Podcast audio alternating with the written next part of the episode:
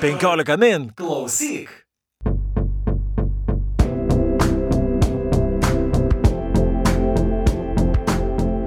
Labadiena, 15 min skaitytojai ir klausytojai ir e, su jumis e, po kažkurios pertraukos e, sveikinasi laida perskaitimai ir kaip visą laiką šią laidą vedame mes dviese, aš Audrius Ožalas. Ir aš Juratė Čarškutė. Ir šiandien pakalbėsime apie rašytojos kūrybą. Rašytojos, kuri tikrai Lietuvoje turi labai daug gerbėjų, nes e, iš jos knygos yra leidžiamos e, leidyklos Aukso žuvis e, specialioje serijoje Keliautojų laikų. Ir aš turbūt nesumeluosiu pasakęs, kad būtent šios rašytojos kūryba šioje serijoje, man atrodo, sulaukia daugiausia dėmesio ir turi daugiausia gerbėjų, nes Alina Bronski, jos dvi knygos yra išleistos lietuvių kalba, tai yra Totoriškos virtuvės aštrumai ir paskutinė baba Babos Dunijos meilė. Ir e, abi šias knygas lietuvių kalbą vertė Vitenė Saunoriūtė. Ir šiandien mes turime studijoje būtent šią vertėją. Labą dieną. E, taigi, šiandien mes e, pasikalbėsime apie, apie abi šias knygas, tačiau visgi, kadangi naujausia knyga yra lietuvių kalba išleista būtent tutoriškos virtuvės aštrumai, daugiausia dėmesio skirsim jai, bet be abejo užgriepsime ir tą anksčiau pasirodžiusią knygą. Na, keliais žodžiais apie pačią autorę, apie ją turbūt, apie jos kūrybą ir apie jos gyvenimą daugiau pašnekėsime pokalbio metu, tačiau visgi keliais žodžiais, tai Elina Bronskinai gimė Rusijoje, tačiau dar paauglystė išvažiavo gyventi į Vokietiją ir ten gyvena e, iki šiol ir jos debutinis romanas romanas Šukparkis e, tapo Vokietijoje bestselleriu, jis buvo įtrauktas į mokyklų programas, e, sukurtas jo pagrindu ir filmas ir e, kitos jos knygos irgi sulaukė didelio dėmesio. Ir kuo jos patraukė skaitytojus visame pasaulyje ir Vokietijoje beje irgi tikrai labai populiari šitą autorę, tuo, kad ji atskleidžia homo sovietikus, aš manyčiau, tokią E, žmogaus būseną, jo patirtis, bet kartu jį kalba ne tik tai apie tą homosovietikus žmogų, bet kalba ir apie universalias patirtis. Ir e, tikrai žmonės netgi nežinantis, kas tai buvo per sistemą, man atrodo, suras labai daug, labai daug ko iš tikrųjų savyje atliepiančio jos knygose.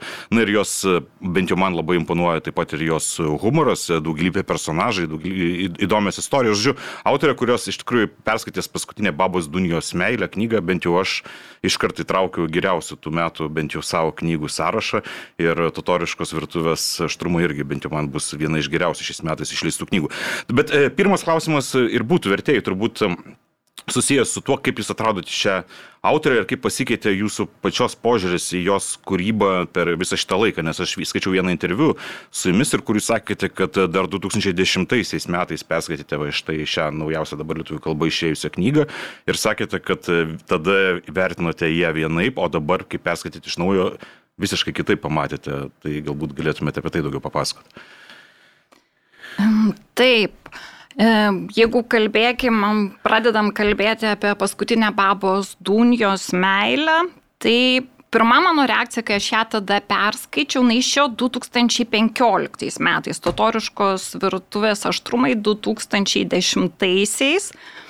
Tai reikia pasakyti, kad mano santykis, nu pavyzdžiui, jeigu pradėsim nuo knygos Baba Dunja, kuri pirmoji pasirodė Lietuvoje, tai jau vien ta tema Černobilis, tarkim, Černobilis ir taip toliau, tai vis kažkaip iš naujo, kai aš, man atrodo, Lietuvoje irgi buvo tas serialas Černobilis. Taip, taip ar HBO. HBO buvo sukurtas serialas. Jo, HBO ir tada žinau, kad čia visi, o ar tu matėjai ir taip toliau ir, ir viską.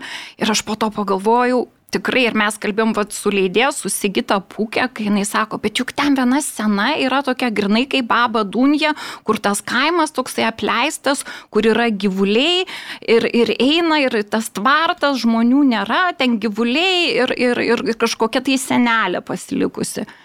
Ir aš mane kažkaip sužavėjo, kai aš prisimenu tada, kad jinai, kaip čia pasakyti, neina į kažkokias aktualijas tą autorę, bet jinai aprašo per personažės apsisprendimus, per jos charakterį, nu, vad pavyzdžiui, sugrįžimą į mirties zoną gyventojų, kurie žino, kad jie jau yra spinduliuotės paliesti ir vis viena mirs ir jos toks tvirtas apsisprendimas, aš grįšiu namo ir aš pati noriu spręsti apie savo likimą ir aš gyvensiu ten ir aš gyvensiu gerai.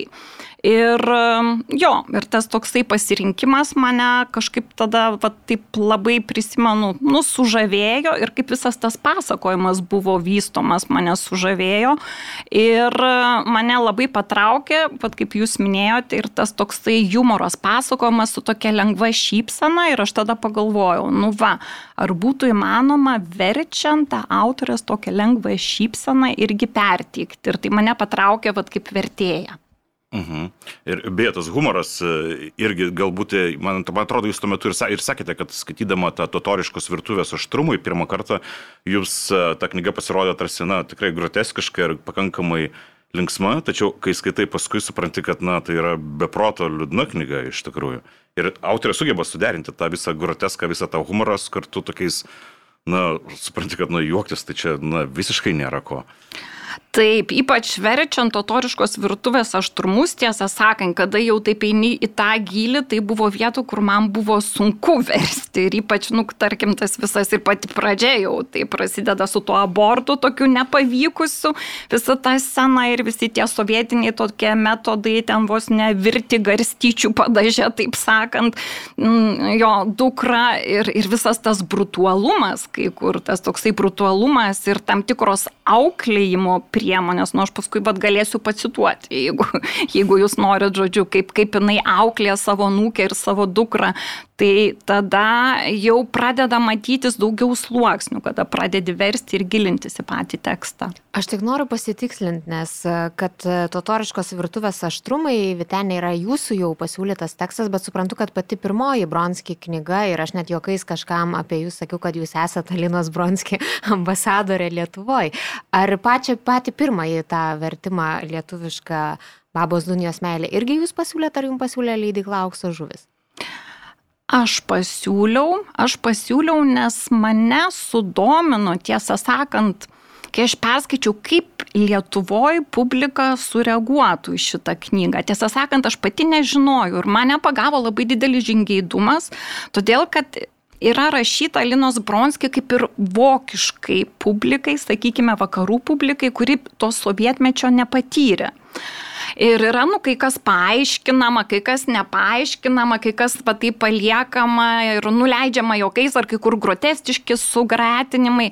Bet aš pagalvoju, o kaip būtų, vad, Lietuvoje primtų mes, kur yra įvairūs sluoksniai, taip sakant, auditorijos, kur yra jaunesnė karta, kuri nepatyrė to sovietmečio, bet gyvena su tėvais ir seneliais, tetomis, dėdėmis ir panašiai, kurie yra patyrę. Ir, ir tarkim, mes, kurie esam gyvenę tuo laikotarpiu.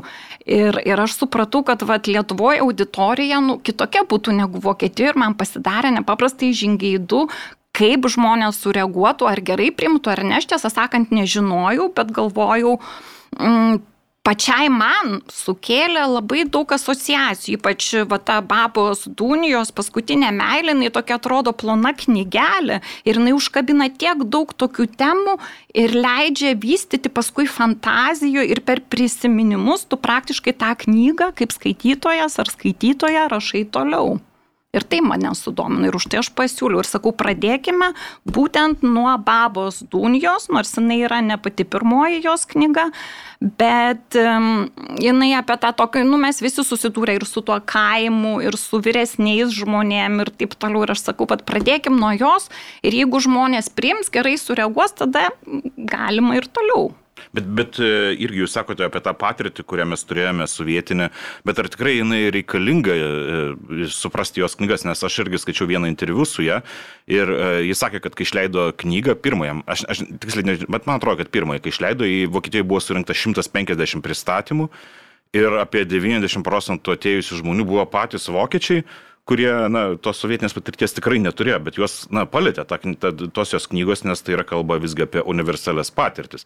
Apie vienatvę, apie savo identiteto paieškas, apie meilės neturėjimą, apie vienatvę ir apie tai, kaip tu išeini iš namų ir netikė stabilumą. Iš esmės, na, tos patirtis iš tikrųjų perteikiamos per tą laikotarpį, tačiau visgi yra pri, tiesiog visiems aktualios ir visais laikais. Mm, taip, aš čia jums pritarčiau, kad yra labai daug tokių, kaip čia pasakyti, niuansų, sluoksnių ir atspalvių. Ir kiekvienas pagal savo paties irgi galbūt gyvenimo patirtį ir prizmę ir kaip skaitytojo patirtį, taip sakant, savo tokį miksą susidaro. E, nes Šukparkis, jos pati pirmoji knyga 2008 metais pasirodžiusi, kur jinai iš tikrųjų vat, parašė nutraukusi medicinos studijas ir kažkiek tai padirbusi ten reklamos agentūroje, tiesiog parašė labai greitai, kiek žinau.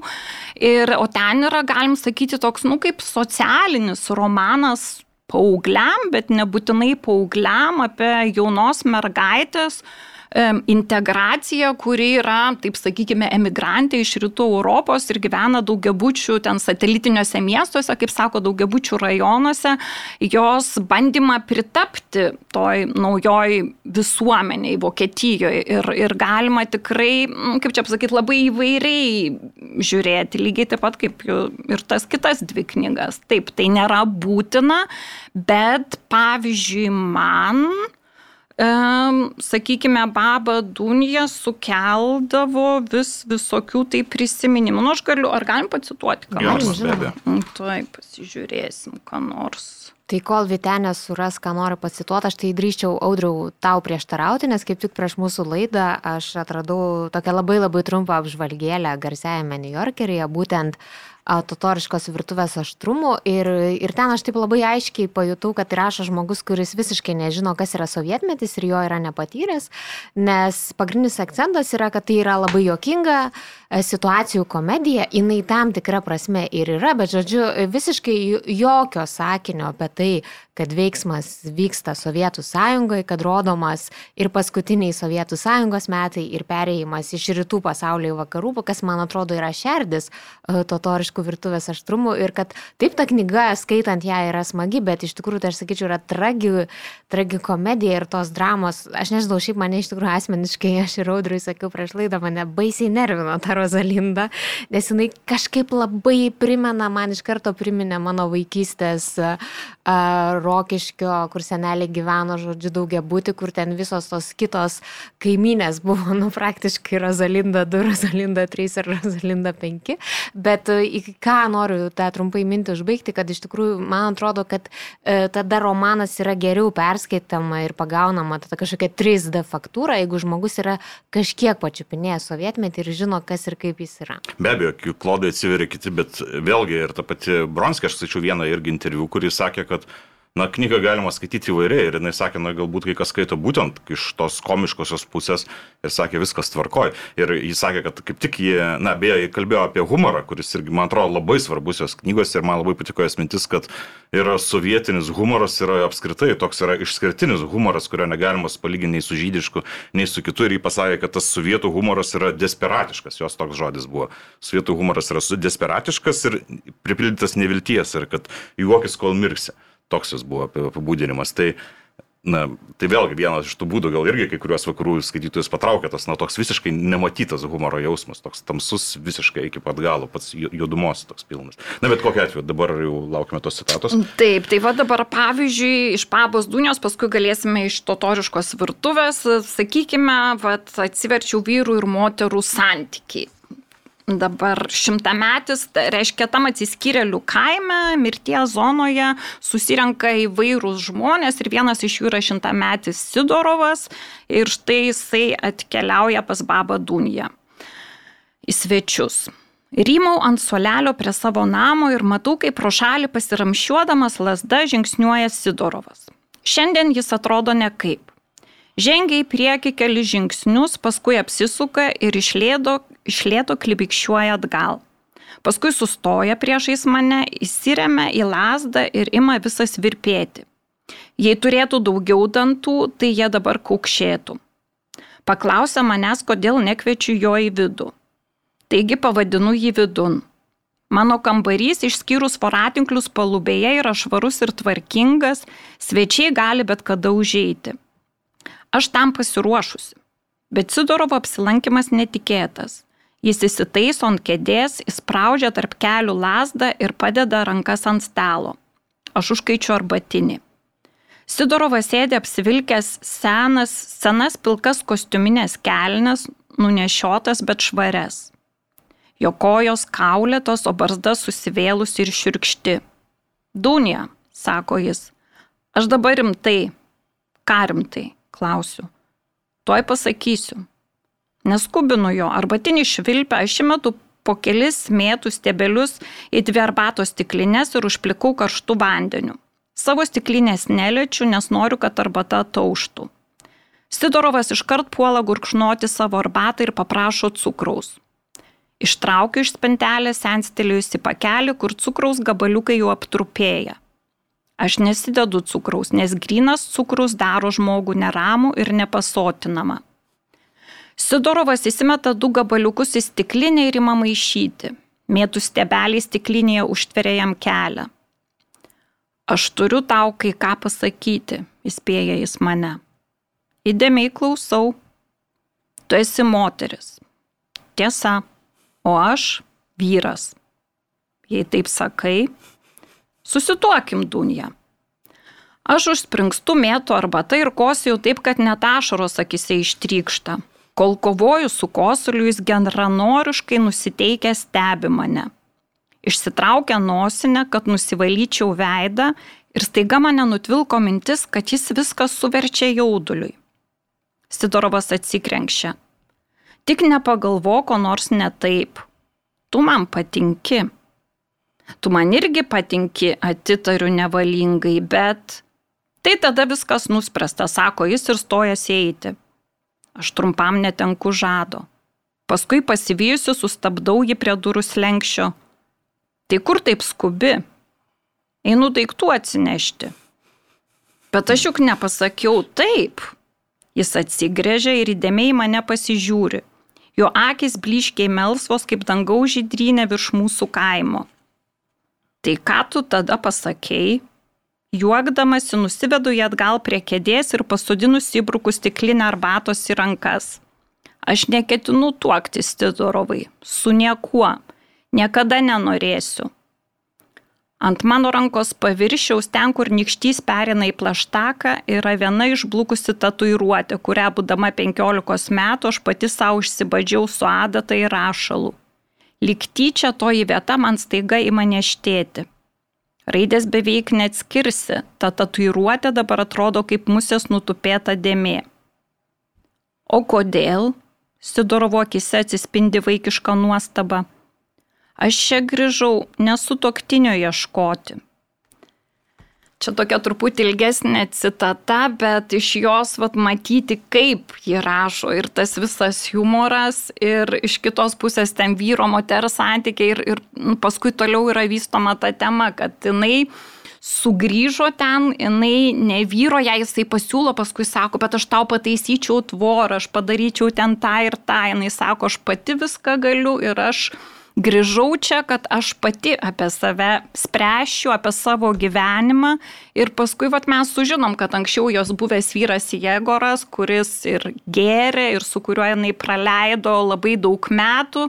Ir vat, vis tokie yra užkabinimai, kur jinai pati galvoja, nu, mūsų tiek daug moterų, mes su tais girtuokliais gyvenom, nu, ar tikrai reikėjo visą laiką gyventi ir pasilikti, o gal ne. Arba vat, vis tokia, tokia sušmėkščia kažkokia, vat mano gražios pėdos, jinai palygina savo pėdas, kokios jos dabar ir kokios buvo jos jaunystėje. Ir sako, bet vad, Jegoras man uždraudė paskui šokti basai, nes kiti vyrai per daug į mano tas kojas basas, kurios labai gražios žiūrėjo. Nu ir va tokie va išlenda vis. Bet čia beje iškart primena man heroję Rozalindą, kuri irgi panašiai kaip šitas vyras irgi taip tiki, kaip pasaulis sudėtas ir jį tvarko.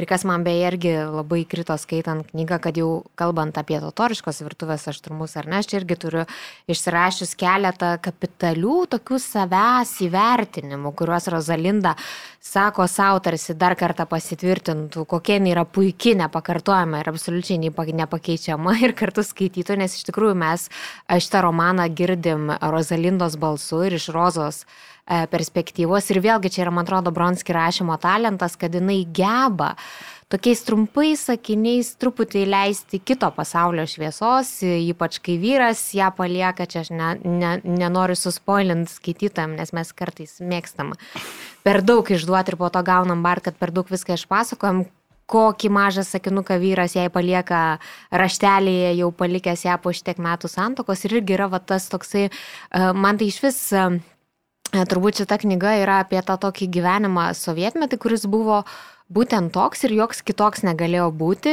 Tai yra ten sutinki vyrą, pirmą pamilsti, iškart pati pirmą, tada yra santoka, gyvenimas, santokos metu, aišku, pastoviai yra piktinamasi ir heroja nuolat sako, kaip tas vyras ją užknisa ir, ir apskritai, bet nu kito aš neturiu, ką darysi. Tai grįžtant prie tos savęs charakteristikos, aš irgi pacituosiu. Aš patikau žentui, tai suprantama. Esu graži moteris, nors man jau greit sueis 50, atrodo kaip 35. Mano oda lygi ir švytinti, kiekvieną rytą pasidažau prieš kur nors išeidama, net jei tai būtų virtuvė. Aš čia įsterpsiu su savo, kad tokia tipiškas, tipiškas tokia samprata sovietinė. Neseniai atradau raudoną ir juodą, aš galiu sauliaisti dėvėti tokias spalvas citatos pabaiga. Ir dar kita citata yra, kad, na, kadangi jos čia pagrindinis toks vaidmo yra senelės ir jos gyvenimo tikslas yra užauginta nugą ir apsaugoti nuo visų pasaulio blogybių, tai jinai irgi nuolat sako, aš iš vis netrodau kaip senelė. Atrodau gerai, esu graži ir nesena. Tai va šitas irgi ir taip ir ironiškai, ir groteskiškai, ir sikiu tai yra vienintelis iš esmės progas skaitytojai sužinoti, kas ta pasakotoja, tokia, nežinau, pasaulio tvarkytoja, kur, nežinau, man šiek tiek priminė Frekenbach personažą, bet labai labai šiek tiek, kuri nori sutvarkyti pasaulį, ar ne? Taip, taip, taip, bet su ta pačia yra tokia viena graži detalė su ta senelė ir gražiai atrodžia, jai juk iš tikrųjų 50 metų, kai jinai yra senelė, jinai iš tikrųjų yra jauna ir aš prisimenu po tokią komišką situaciją su aukso žuvim, nes jos norėjo iš anksto nupaišyti viršelį ir davė dailininkams susirado e, nu, nuostabės, bet su studentais bendradarbiavo dailės akademijos ir kad nupieštų, bet visai tai serijai keliautojų laikų, kuri jau antrą sezoną, taip sakant, tęsiama, kad būtų sukurti knygos viršeliai specialiai. Nu ir sako, nu apibūdink tu truputį ten tą, žodžiu, Rozalindą, nu ten ar šį senelį, nu bet būtent anūkiai nori padėti ir taip toliau totorė, viską. Ir tada gaunu tokį eskizą, nu kaip tau. Nu, labai labai gražus piešinys, nu tokia totorė, nu toks etnografinis, etnologinis, ant, toks, nu tokia moteris 70 ar kiek, nu tokia, sakau, nu nesakau, niekaip negali, sakau, jūs turit pirmą perskaityti, jinai lipdosi blakstienas, jinai vaikšto su aukštakulniais ir sutimpom ir taip toliau. Tai nėra ta tokia senelė kaip senelė, tai, nu, yra va tokia moteriškė seksuali, taip sakant, nu, jai 50 metų ir kuri ten save. Ir, ir tada prisimenu, tada sako, nu gerai, reikia iki galo perskaityti tą knygą. Ir vad paskui man labai labai patiko interpretacija interpretacija. Tai čia buvo antras bandymas ir iliustraciją sukūrė Vaiva Frančiakaitė viršeliui.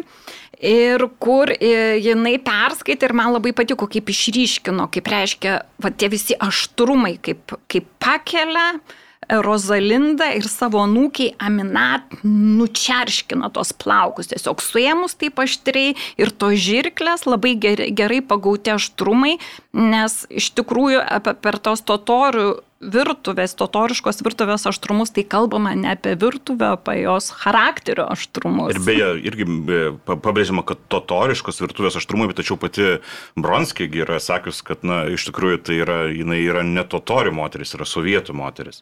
Ir tas, tas nacionalinis pabrėžimas iš esmės, jis, na, čia toks vėlgi žaidimas iš esmės, nes jinai kalba apie tipišką, vat, ir, ir, ir, ir kaip Juratė labai gerai pastebėjo, na, yra tipiška sovietinė moteris, kurią, na, tipiška, aišku, daug ten vis, buvo visų personažų, bet kiekvienas, man atrodo, iš savo vaikystės, iš jaunystės prisiminame tokią vieną, bent jau po vieną kitą personažą tikrai surastume iš tikrųjų. Taip, ir kur Dieteris atvažiavęs tyrinėti to, to nacionalinės virtuvės, pačio juk pabaigoje nusivylęs tikras vokietis, kuris išsamei tyrinėja, važinėja po visus tos kaimus ir jį pavaišina kepta višta, taip sakant, sovietinių patiekalų galų gale. Bet čia yra paradoksas, kad e, taip, jinai mums skaitant, e, aišku, atrodo, kad visiškai yra homosovietikus, nežinau, femesovietikus ar kaip čia pasakyti, visiškai visiškai ta tokia besirūpinanti šeimą, tvarkanti ir visus žmonės, bandanti pataisyti pagal savo schemą.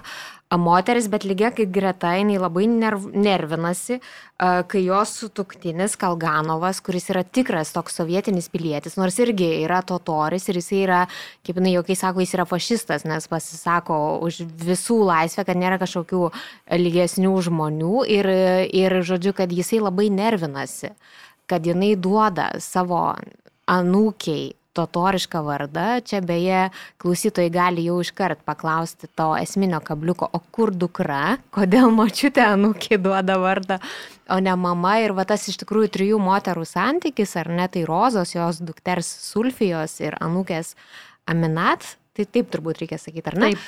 Tai uh, man vat susipina į tą tokį, iš vis gal net čia galima plačiau padiskutuoti, tokį labai paveikslą ir to sovietinio feminizmo, kurio aišku nebuvo, bet ta moteriškumo reprezentacija ir kiek kampų moteris laikė. Ir aš skaitau ir toks, nu viskas tipiškai, nu vyras, kuris sėdi kažkur kamputyje, gražiai pavalgo, pabučiuoja roželį į rankas, kaip jinai skaniai ruošia maistą.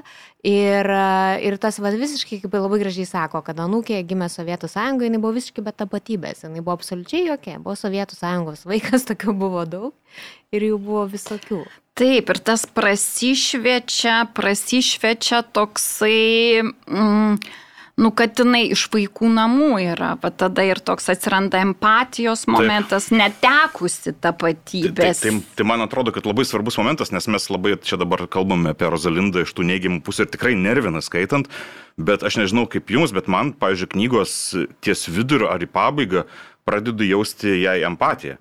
Nes tada pradedi suprasti, kad iš kur tas personažas toks gimsta, jinai pati netekus šeimos, iš vaikų namų. Ir, ir tai yra sovietinė moteris, nes ji nuo pat vaikystės jinai žinojo, kad reikia kovoti už savo, niekas tavim nepasirūpins. Tu turi rūpintis savimi, jos vėlgi, kaip jinai supranta tą ištikimybę šeimai, nu čia yra kitas dalykas, na bet jinai kovoja ir bando apsaugoti ir savo dukrą, ir anūkę, stengiasi sukurti joms e, geresnį gyvenimą, stengiasi sukurti taip, kaip jinai supranta. Bet e, kita vertus, na, tai tikrai nėra tas personažas, kuris sakytų, na, man nesvarbu, kaip dukra gyvena, kaip anūkė gyvena, tiesiog jos tegul gyvena savo gyvenimą, aš ginu savo gyvenimą. Tai vėlgi iš, iškreiptas, aišku, tas e, kontrolės jausmas, bet uh, vėliau tas, bent nežinau, kaip jums man tai empatijos kažkiek atsiranda taip, pabaigą. Taip, taip, iš tikrųjų galima ir matosi, nu jos ta prarasta, vad kai tada pradedi gilintis į tą, kad jinai pati, nu netekus tos tapatybės, be, be tėvų užaugus tose vaikų namuose, kur jinai pati pasakė, kad, nu buvo ir kalbam, aišku, ten vien rusiškai ir ta visa totoriška tapatybė, ne, e, aišku, jinai tenai, jinai jos kaip ir neteko ir kad jinai per aminat, tik tai kai paskui jau emigracija emigravusi į Vokietiją, jai užduoda tos namų darbus, parašyti iš kurtų ir galų gale Dieteris, netgi būdamas vokiečių, padeda, žodžiu, jai suprasti tą ir jinai paskui per tuos visus skaitinius, jau mirus Dieteriui, nu, suvokia, man atrodo, taip suranda. Ir, ir dar norėjau, vat, pakomentuoti vieną tokį dalyką - kaimas miestas, tos prieš priešos.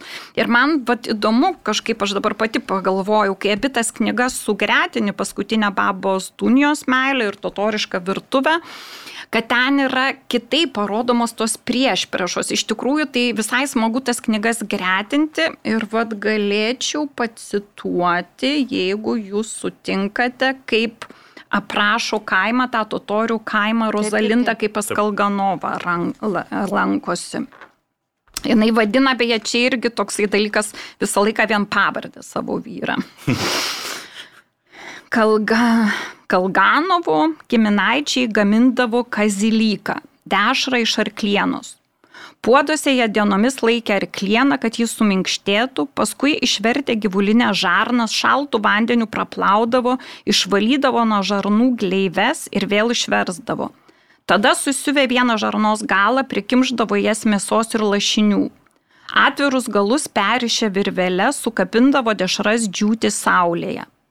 Taip jos kelias dienas kabėdavo švituodamos vėjuje, o iš specialiai pradurtų skilių ant žemės tiško riebalai. Paskui dešros toliau mėnesiais džiūdavo Rusija.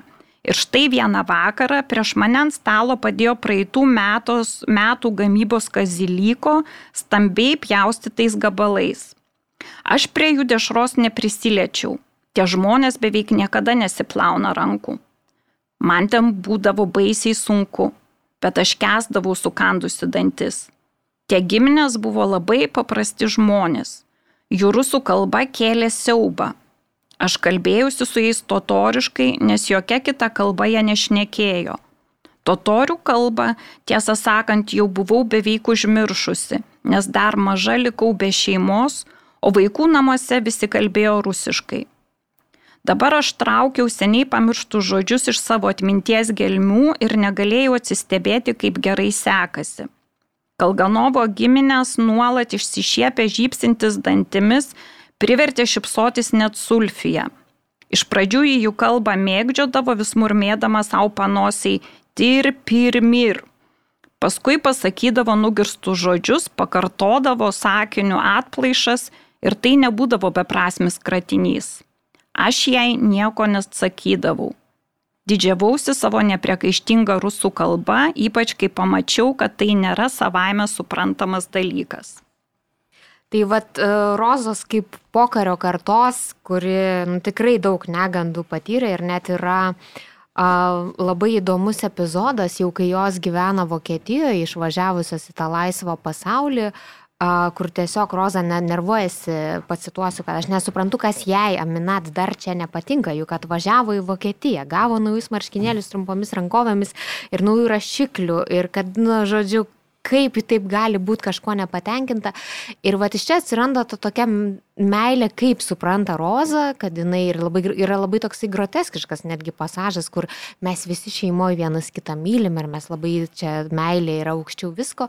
Ir bet va čia atsiranda turbūt, ką šio laikiniai mes žiūrėdami visą kontekstą sakytume, toksiški santykiškai, Roza yra tikrai toksiška mama ir toksiška senelė, bet va būtent iš pokario ir tų visų patirčių ateina tas, kad jinai tiesiog tiek savo dukrą, o ypač anūkę, kuri labai yra panaši, pasak Rozos, į ją pačią, jinai nori apsaugoti nuo tų visų negandų. Ir čia, nežinau, turbūt šitą knygą man šiaip beje labai įdomu, kaip skaitytų tokie psichologai, kurie tyrinėja tas sovietinės traumas ir tas visus užgneuštus jausmus, kurie yra perkeliami kažkokį kitą lygį. Kaip, kaip, ir vad beje, iš karto Vitenė noriu jūsų klausti, kokia recepcija buvo Vokietijoje, nes man vad įdomu, ar vokiečiai perskaitė šitą, va tai, ką mes čia dabar kalbam, tas sovietmetis, sovietmetis ar ne, kaip čia senelių kartos pokaris, vokiečiai žinoma irgi skaudžiai nukentėjo nuo karo, bet vis tiek turbūt situacijos yra skirtingos. Tai man reikės taip, kad jie aišku ne tie, kaip mes vat, galim tą sovietmetį gvildenti ir iš karto yra ten tų pažįstamų ir, ir kur visi sako, kad Rosalindą aš tikrai pažįstu, mano pažįstamų tarp yra bent jau viena ar dvi Rosalindos.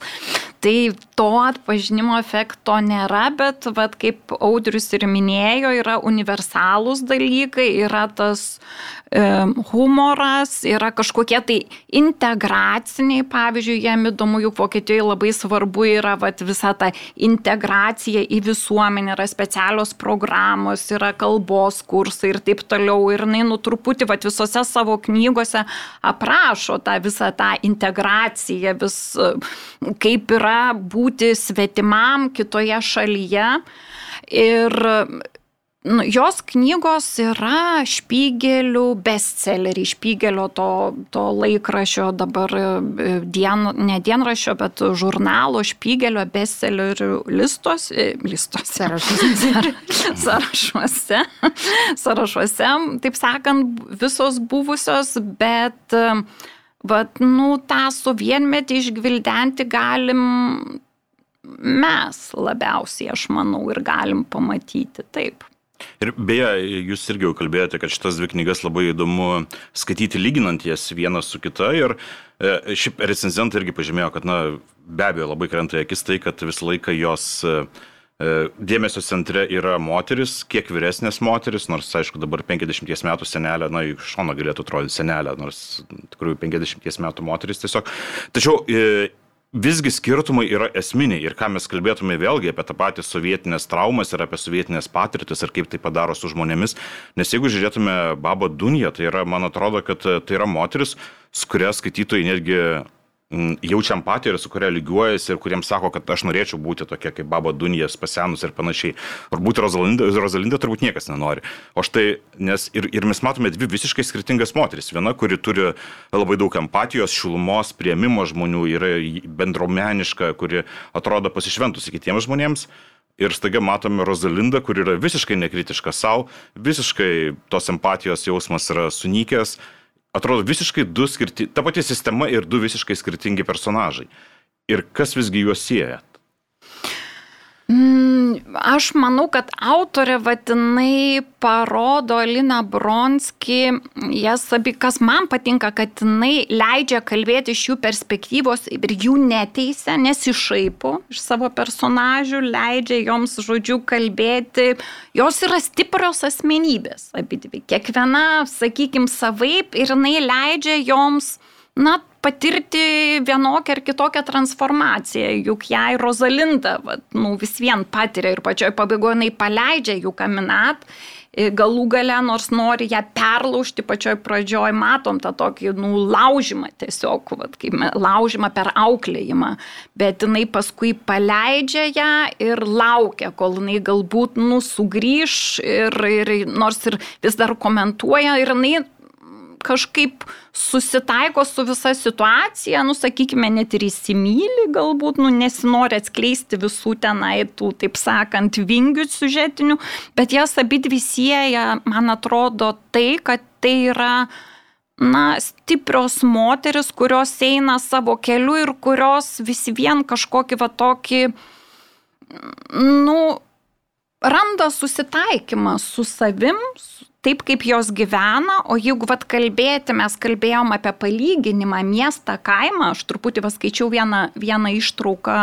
iš, iš totoriškos virtuvės, o dabar vat galiu irgi paskaityti labai trumpai, kaip Baba Dunja kaimas ir miestas. Ten yra miestelis Malyšiai, kur jinai kartais nueina apsipirkti arba paimti savo korespondencijos, o jinai pati gyvena Černovo kaime. Tai vad kaip pas Rozalindą mes matėm, kur ten ten toks truputį kaip atsilikimas tie giminės gyvena, kaip jinai dabar um, aprašo, kai jinai sugrįžo į Malyšius. Apsi, ne į Malyšius, o į Černovo kaimą. Apsivelku mėgstinį, įsikišu Lauros laišką į rankovę, ištraukiu kavos pakelį iš Širino siuntinio ir maišelį su Marijos vaistais iš pirkinių krepšio. Dukters laiškai, kuriuos prieš dieną parsivežiau, guli atplėšti ant stalo. Juos skubiai perskaičiau, nors taip nepratusi, vieną po kito, švintant. Ten viskas kaip įprastai. Orai, darbas, Europos Sąjunga. Jokio paaiškinimo nei užuominos, kad Laura ruošiasi man rašyti. Laura tai čia anūkė, o Irina dukra. Viską pasėmus einu pro Konstantiną pas Mariją. Jau 8 val. ryto. Mano kaiminė pabudusi, bet prastos nuotaikos. Jis sėdė ant lovos su pukine anklode ant kelių, o jai už nugaros pagalvių kalnas. Apsidairau, akimis ieškodama kuroška. Gal ji ganosi už namo? Ar tu sergi? klausiu traukdama lauktuves. O ką, gal tu sveika? Bet iškart nustoja niurzgėti, kai pamato, ką atnešiau. Aš tik džiaugiuosi, kad mes neryšio zonoje. Jei Marija žiūrėtų televizorių, jai be bejonės prireiktų visko, ką reklamuoja vaistinės. Aš nubrūžinu žalvarinį kavinuką, kurį radau po puodais. Tada suskaičiuoju kavo šaukštelius, nupilu iš kanistro vandens ir viską gerai išmaišau. Užkuriu ugnį ir laukiu, kol užvirs kavinuko su ilga rankena turinys. Sukyla putos, padalinu jas į du mažus puodelius pirma putos, tada juoda stipri kava. Mano ranka šiek tiek dreba, kai pilstau kavą. Ji gražiai atrodo, podelio paviršius pasidabinės putų nėriniu. Marija sirptelėja kavos ir nusidegina liežuvį. Ji ima plūstis, kad tas viralas toks kartus, jog ir numirėlį prikelt galėtų. Aš labiausiai noriu, kad ji pagaliau išliptų iš lovos. Vakar ji buvo susipynusi savo šviesius plaukus į dvi kasas Po nakties jos iširo ir išsklido į paskiras ruogas. Man krenta į akis, kad ji beveik nepražilusi. Kaip sekėsi mieste, klausė ji. Kaip visada, sakau aš. Nors tai netiesa. Pas mus laikas stovi vietoje, bet mieste viskas nuolat keičiasi. Iš tikrųjų, tai malyšiai miršta. Kartais miestai pasikeičia į gerą, kad išgyventų bet malyšiai to nesugeba. Ir va čia matom, tai paskutiniai sakiniai, kur yra tas sustojęs laikas Černovo kaime, tai iš tikrųjų ten verda gyvenimas, o Malyšiai tai yra miestas, kuris nesugeba keistis ir kuris merdi.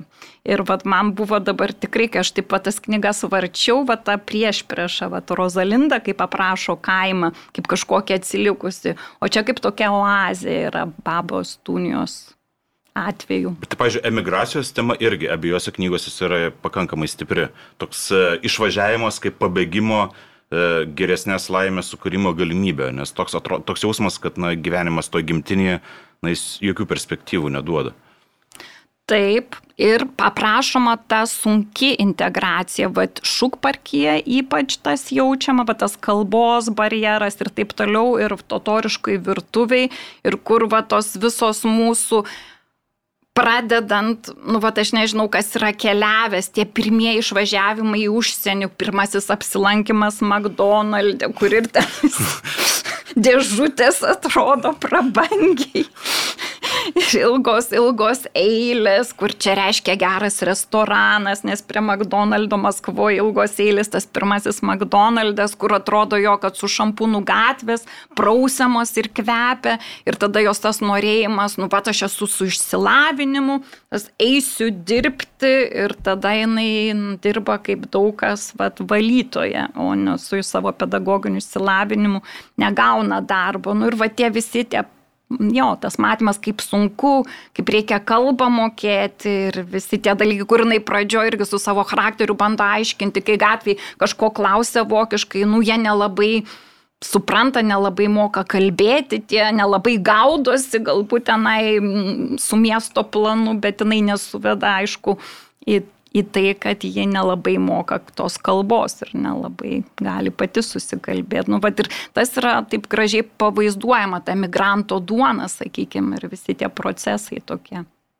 Na, bet e, tam tikros vietos visgi, na, į pabaigą galbūt ir galima jausti empatiją tai pačiai Rosalindai, tačiau yra tam tikros vietos, kurios, na, palieka tokią, na, purvo netgi, sakyčiau, nes, tarkime, tos anūkės santykius su tuo vokiečiu, pas kurį gyvena iki galo taip ir nepasakoma ir viskas paliekama kažkokiose nuojautose kažkur tai, bet e, pasakoma per labai subtilų taip, taip, labai... citavimą straipsnio, neva jau, kai Aminat bando tapti taip, žvaigždė. Taip, bet, bet, bet, bet e, ir atrodo, kad na visgi tos ribos peržengtos vis tiek. Rozalindos atveju netgi tas rūpestis savo artimaisiais visgi, na, į peržengė tas ribas. Visgi yra kažkas, ką jinai padaro, na, tikrai blogo. Taip, ji padaro jo blogo, kur tikrai neaišku, ar Aminat jai kada paskambins, nes yra jo nutikę gyvenime dalykų, kur neaišku, ar tikrai jinai susitiks su savo anūkė kada nors. Taip, Tai yra tiesa, o babos Dunijos atžvilgių jinai niekada savo anūkės nematė, bet jinai jos laukia. Bet ten yra toksai, baba Dunija taupo į taupyklį ir tikisi, kad jos anūkė, kuri irgi beje pabėgo iš namų, Ir pirmu atveju, bet ten yra, reiškia, Baba Dunja laukia ir tikisi, o Rozalinda tikisi, bet mes, kai mes žinom ir perskaitėm tą knygą, viskas, kas įvyko, yra didelis klaustukas, ar jos susitiks ar ne. Ateityje. Man čia beje labai keista yra romano pabaiga ir net nežinau, aš kažkaip matyt taip susigyvenau su tuo, kad romanas prasideda 78 metais ir tikrai aš turiu pasakyti, kad pats pirmasis e, romano sakinys yra, yra labai geras ir jeigu jūs leisite, aš irgi paskaitysiu, tiesiog suviliot skaitytojams skaityti šitą knygą. Tai pirmasis uh, sakinys skamba taip, cituoju, kai duktė Sulfija man pasakė, kad laukėsi, bet nežino nuo ko, aš sutelkiau visą dėmesį į laikyseną. Citatos pabaiga. Ir čia yra apie tai, apie ką yra šita knyga, ką jau Raudrus minėjo apie tą ribų peržengimą arba įveikimą, tai čia Rozalinda nuolat pažeidžia visas ribas, bet kita vertus yra rodomas tas sovietmečio kasdienybės pasaulis, kur visų daiktų, tarsi kur gyvenimas yra tiesiog daiktų kombinavimas, nu, kažkoks kombinavimas, kur bėga žiūrėti, kur kokios prekės, ką parduoti, su kuo susimainyti, iš kur gauti ar raudoną suknelę ar kažką. Ir Kur kitas... prezervatyvai yra skalbiami ir džiovinami. šitas epizodas beje taip. Ir va tas laikysena, kas yra labai svarbu, ar ne, e, ką kiti žmonės pagalvos. Ir man atrodo, ką e, Alina Bronski padaro, va būtent su šituo romanu Totoriškos virtuvės aštrumai, jinai tiesiog padaro kažkokią nuotrauką ar sukuria paveikslą to tokio tipiško, standartinio, nu, turbūt kitokių, ten kažkaip labai nutolusių nuo sistemos gyvenimų sovietmečių ir nebuvo, kur tiesiog kažkaip visi bandė tyliai būti, gyventi ir ypač e, tas jos vyras labai nervinosi, kad tik tai neišsiskirti, tik tai neišsišok, nes nedaug dieve, kas sužinos, pakenks darbui, tada bus problemų, problemų nereikia. Ir žodžiu, va šitas, nežinau, aš kažkaip uh, Čia gal man suveikė kaip gavelio literatūros e, tyrėjai, kur irgi gavelisgi dekonstravo sovietmetį, aprašė tą sistemą iš visų kampų, bet jis neaprašė tos sistemos iš vat, būtent kaip moteris mato ją. Kaip moteris, kuri ir tas visiškai yra beje sovietinis ir šeimos suvokimas, ar ne, kad, nu, ir ten labai net gražiai sako, kad, nu, tiesiog reikia sutikti, nu, nu, nu, nu, moteris turi šeimą valdyti, jinai viską turi tvarkyti, nes, nu, be ir Roza atvirai sako, nu, be manęs tiesiog niekas nevyksta ir tų tokių valdančių moterų, aš dabar net nebeprisimenu, kokiam romane aš skaičiau, man labai liko tas įspūdis, kad kai šitos moteris valdančios paima viršų, vyrai tampa tiesiog pilkais kostiumais, kurie po darbo eina į alines ar kažkur, kurie net nenori uh, nenori grįžti namo, nenori pasirodyti. Tai va, aš čia vis kažkaip tempiu į tą sovietmetį, bet man. Man atrodo, iš tikrųjų autorė Lina Bronskinai sužaidžia, nu, tikrai visais tais stereotipais, klišiam ir taip toliau, bet jinai, nu, gerai sužaidžia, kur aš kartais galvoju, nu, dar ir tas, dar ir tas, net ir būtinis antisemitizmas, tas taip, irgi, nu, jinai taip, taip, praktiškai, taip. už tai yra iš dalies tikrai smagu, nes jinai, nu, visas kasdienybės, visais tais stereotipais, klišiam, jinai tiesiog tiesiog va taip pamėto juos, tokius kaip kamoliukus į orą ir vis pagaudo. Nu, va, galiu, nežinau, ar čia pabaiga ar ne pabaigai, trumpai, kaip Rozenbaumai apsilanko, kur jinai nori ištekinti dukrą Sulfiją už Rozenbaumo žydų, žydų žento ir kaip jinai bando, reiškia, virtuvę kukulius ten išvirti. Ir ten, to jau mes susirasime, čia yra 115. Štai ir apsilanko Rozenbaumai. Ir tada atėjo jie Rozenbaumai, vilkėdami savo rudas palvius, drabužius, siutus iš geros kokybės brangaus audinio. Jie atnešė Minat halvos gabalėlį ir visi atrodė ganėtinai drovus ir pats Rozenbaumas nebuvo koks aukšta ūgis, bet jo tėvai iš vis kaip nikštukai. Sulfija slėpėsi už mano nugaros. Aš išstumiau ją į priekį, o Minat patraukė už kasos į šoną. Tegul ji nesutelkia viso dėmesio į save, juk ne ją, o jos mamą reikia ištekinti. Sulfija elgėsi teisingai. Jis stovėjo priešais Rozenbaumo tėvus, beveik tokia pat žema kaip ir jie, visa susikaušiusi ir šipsodamas žiūrėjo į grindis raudonų dėmių išmuštų veidų. Aš pagalvojau, Jei turėčiau tokį mamytės sunelį kaip Rozenbaumas, būčiau laiminga į marčias gavusi sulfiją. Ir Rozenbaumo tėvai iš ties palankiai ją žiūrėjo. Pasisodinau šalia Minat, kad bet kuriuo metu galėčiau ją kontroliuoti, o sulfijai skyriau vietą tarp senųjų Rozenbaumų poros. Jaunasis Rozenbaumas atsisėdo šalia manęs iš kitos pusės.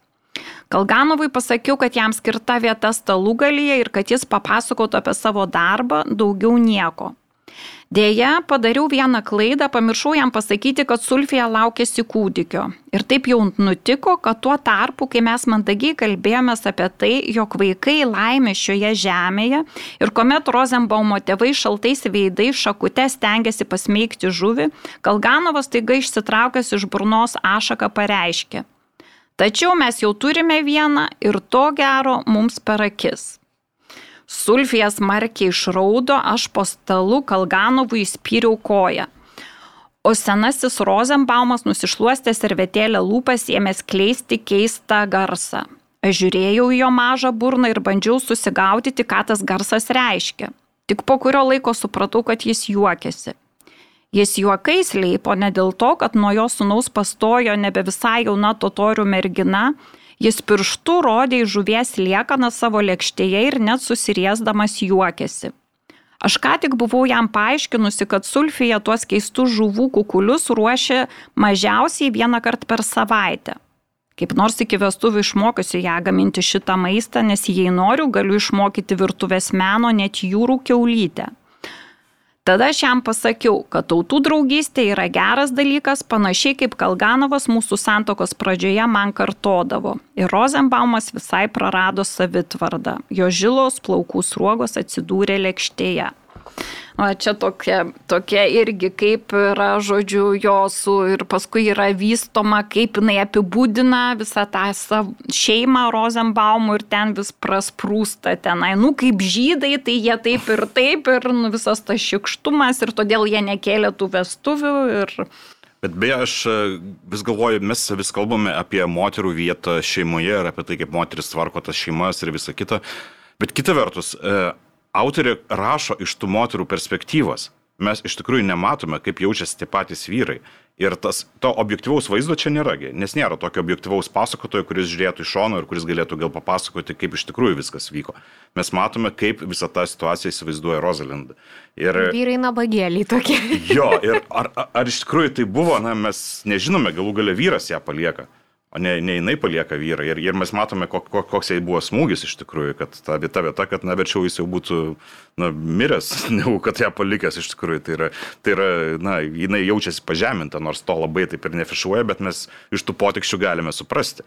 Tai, na, tai vėlgi nebuvo ta moteris, kuri laiko visus kampus, visko kontroliuoja, nepažeidžiama ir taip toliau. Ne, mes galime suprasti, kad tikrai taip nebuvo. Čia ir yra tas žaidimas keliais, keliais paveikslais. Bet mes dabar, vat, kai Vitenė skaitė, aš galvoju, taip mes ir girdim Aliną Bronskį, bet girdim ir Vitenę Saunoriutę, kuri įgarsino mums šitą tekstą lietuviškai. Jau truputį užsiminėt, kad buvo sunku versti ten tam tikrus dalykus, ar ne, bet kas buvo smagiausia, nuo ko kaifavot, nežinau, kokie atradimai, kas nustebino. Tiesą sakant, smagiausia totoriškos virtuvės aštrumus verčiant buvo, aš tada buvau Berlyne, Štats bibliotek, bibliotekoje ir nueiti į rytų Europos skyrių ir vartyti tuos žodynus totorių. Tenai buvo rusų totorių ir visi ten tie pavadinimai visokie, kizilykas ir tas kitas. Ir ieškoti ir prisimenu netalinai tada rašiau, sakau, ar taip, nu kaip čia transkribuoti, kaip lietuviškai surasti tuos atitikmenis duomenys ir jinai man tada atrašė, ai sako, aš jau pati pamiršau, kaip tenai kokia ir tada aš tikrai va tenai, kai varčiau bibliotekoje, tai va tas man buvo labai smagu. Na ir aš paskui toks iššūkis tikrai buvo, kur atrodo, kai tu skaitai tokia labai labai paprasta kalba, nu beveik tiesiog banali ir tokie trumpi sakinukai, bet vat juos išversti, kad neskambėtų durnai ir, nu, ta prasme, kad vat plauktų tas tekstas, nu, tai aš nesitikėjau, kad tai bus iššūkis, nes atrodo, nu, nieko čia nėra tokie trumpi ir, bet verčiant aš dažnai garsiai pati savo skaitydavau tekstą, kad jisai, nu, vis vien ir lietuviškai suskambėtų. O įdomu, man iš emocinės pusės, nes kaip, kaip yra versti tekstą, tarkime, apie personažą, kuriai na, galbūt nejauti empatijos ir kuri galbūt yra antiherojo, o ne herojo. Ir, ir kas lengviau, ar, ar pavyzdžiui, versti knygą, tarkime, kaip Babos Dunija, kurią jauti šilumą ir jauti netgi meilę tam tikrą ir panašiai. Ar, ar, ar yra kažkoks skirtumas, ar buvo taip, emociškai įsijausti abi personažas? Mhm. Um, taip, kai kurias vietas Rozalindos iš tikrųjų buvo emociškai nebuvo lengva versti, kur jinai, nu, taip jo elgesi, bet aš stengiausi išlikti sąžiningai jos atžvilgiu ir leisti jai kalbėti taip, kaip ji kalba ir daryti kaip ji, nors kai kur norėdavosi taip beveik pakoreguoti.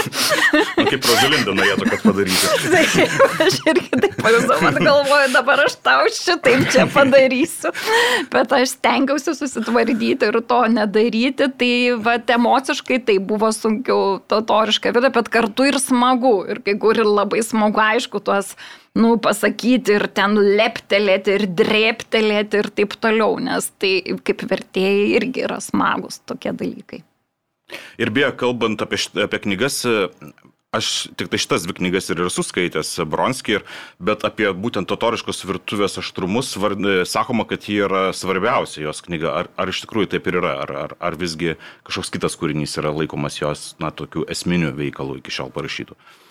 Taip, ir taip yra manoma, ir ji pati yra sakius, ir net aš su ją, kai esu kalbėjus, ir interviu, jinai pati sakius, kad čia yra nors sunku skaityti, bet jai pačiai jos, nu, toksai svarbiausias atrodo irgi romanas, ir jai pačiai tikrai svarbus.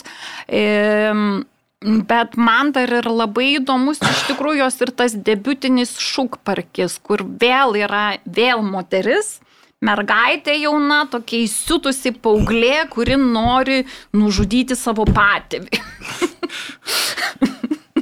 tai, tai ar galima tikėtis, kad ir lietuvių kalba pasirodys ta knyga? Na, čia jau reikia aukso žuvų klausti. Bet jūs pati norėtumėte dar išversti jos? Man atrodo taip, kad tai būtų tada labai toks gražus, taip sakant, užsidaro ratas toksai. Ir šūkparkį tikrai norėčiau pamatyti ir lietuviškai ir aš. O beje, man labai įdomu, jūs užsiminėt, vad ką tik, kad ir susirašinėjot su autore.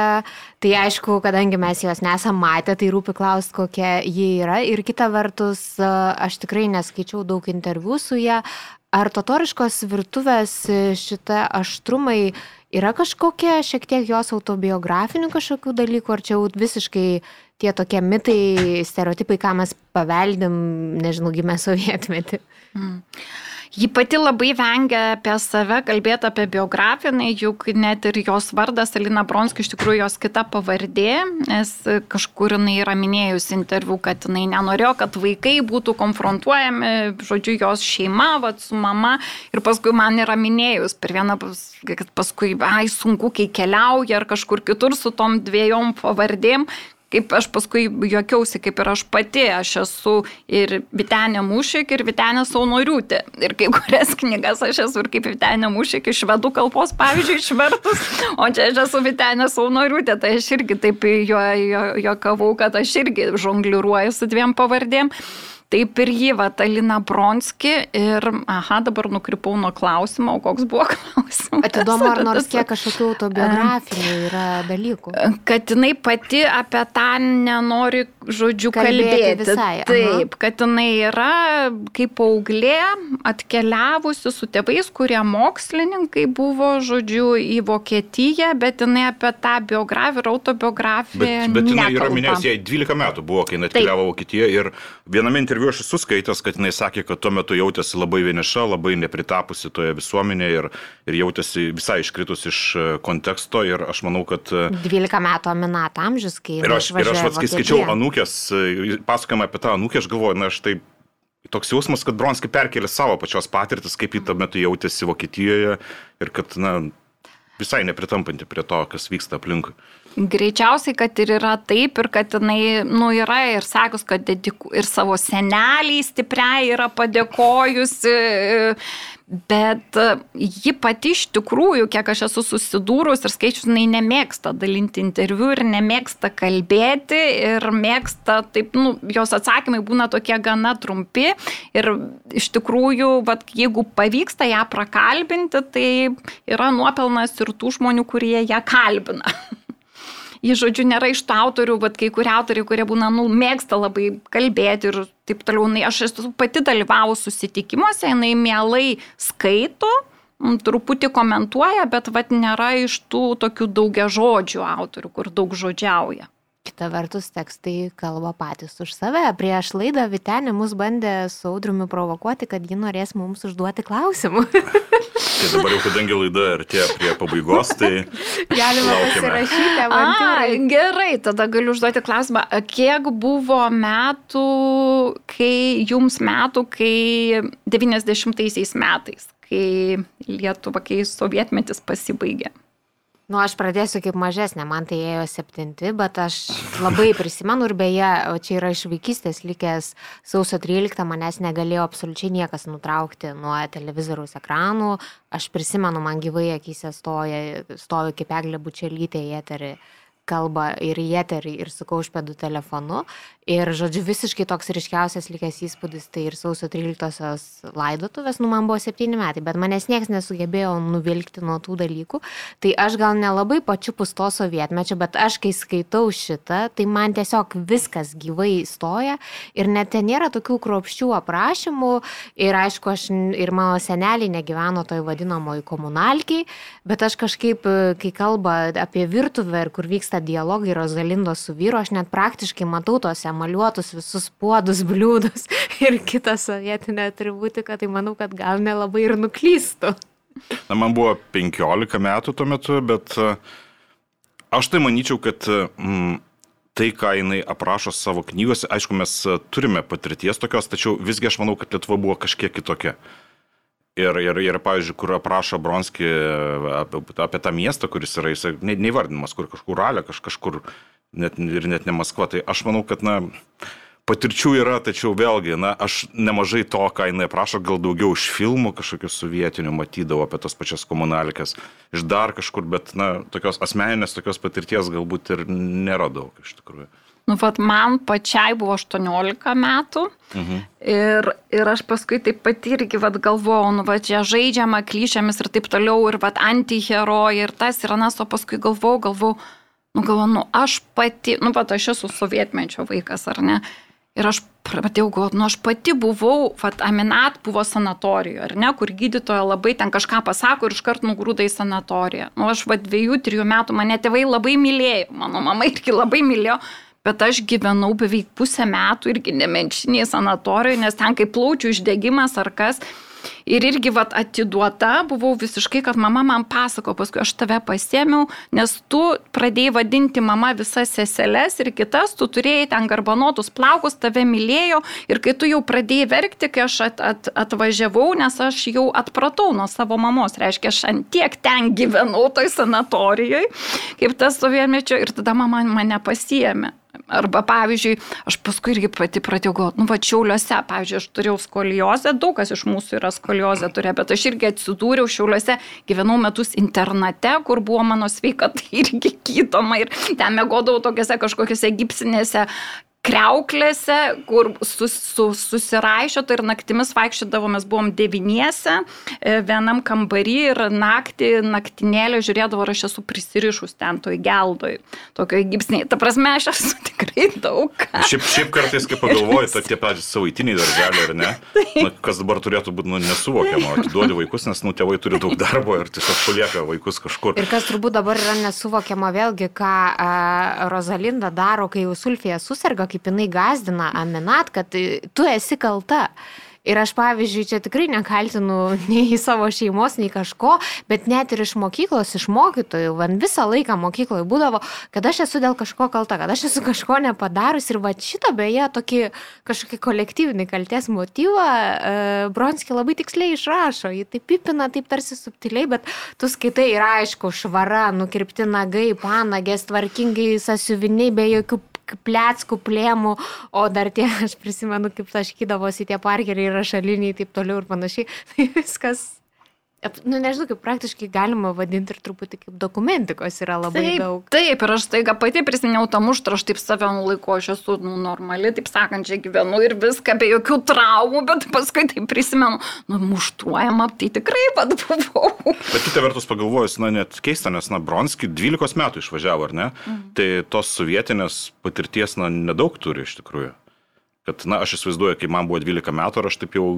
iki 12 metų taip jau labai susiformu, susiformavęs buvo vaizdą, kas yra sovietinė santvarka. Tai, na, sunku pasakyti iš tikrųjų, iš kur pas ją visa, visa, visas tos išvalgos ir tokie taiklus pastebėjimai, psichologiniai niuansai ir visa kita. Jie, man atrodo, tikrai labai pastabi yra nepaprastai pastabi ir tai pagauna tokiais keliom tokiam niuansai, frazėm, tuo aprašymu labai taikliai pagauna ir tikrai labai pastabi rašytoja ir žmogus.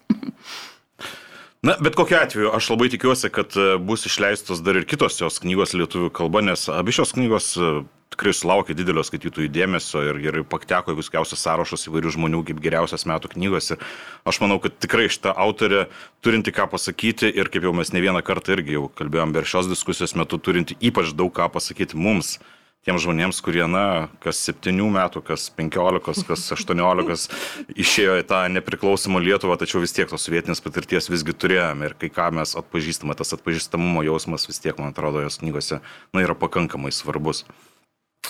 Na ir kągi, ir turbūt tiek šį kartą laidoje perskaitimai ir, e, na, kaip visuomet, e, laidos vedėjai buvo mes, aš Audris Ožalas. Ir aš Juratė Čirškė. Ir buvo labai smagu, kad e, su mumis buvo ir Vitenė Sunoriutė, šių dviejų puikių knygų vertėja. Dėkui Jums. Ačiū labai už pokalbį. Ir dėkui tiems, kas mūsų klausytės. Ir gerų skaitinių. Iki.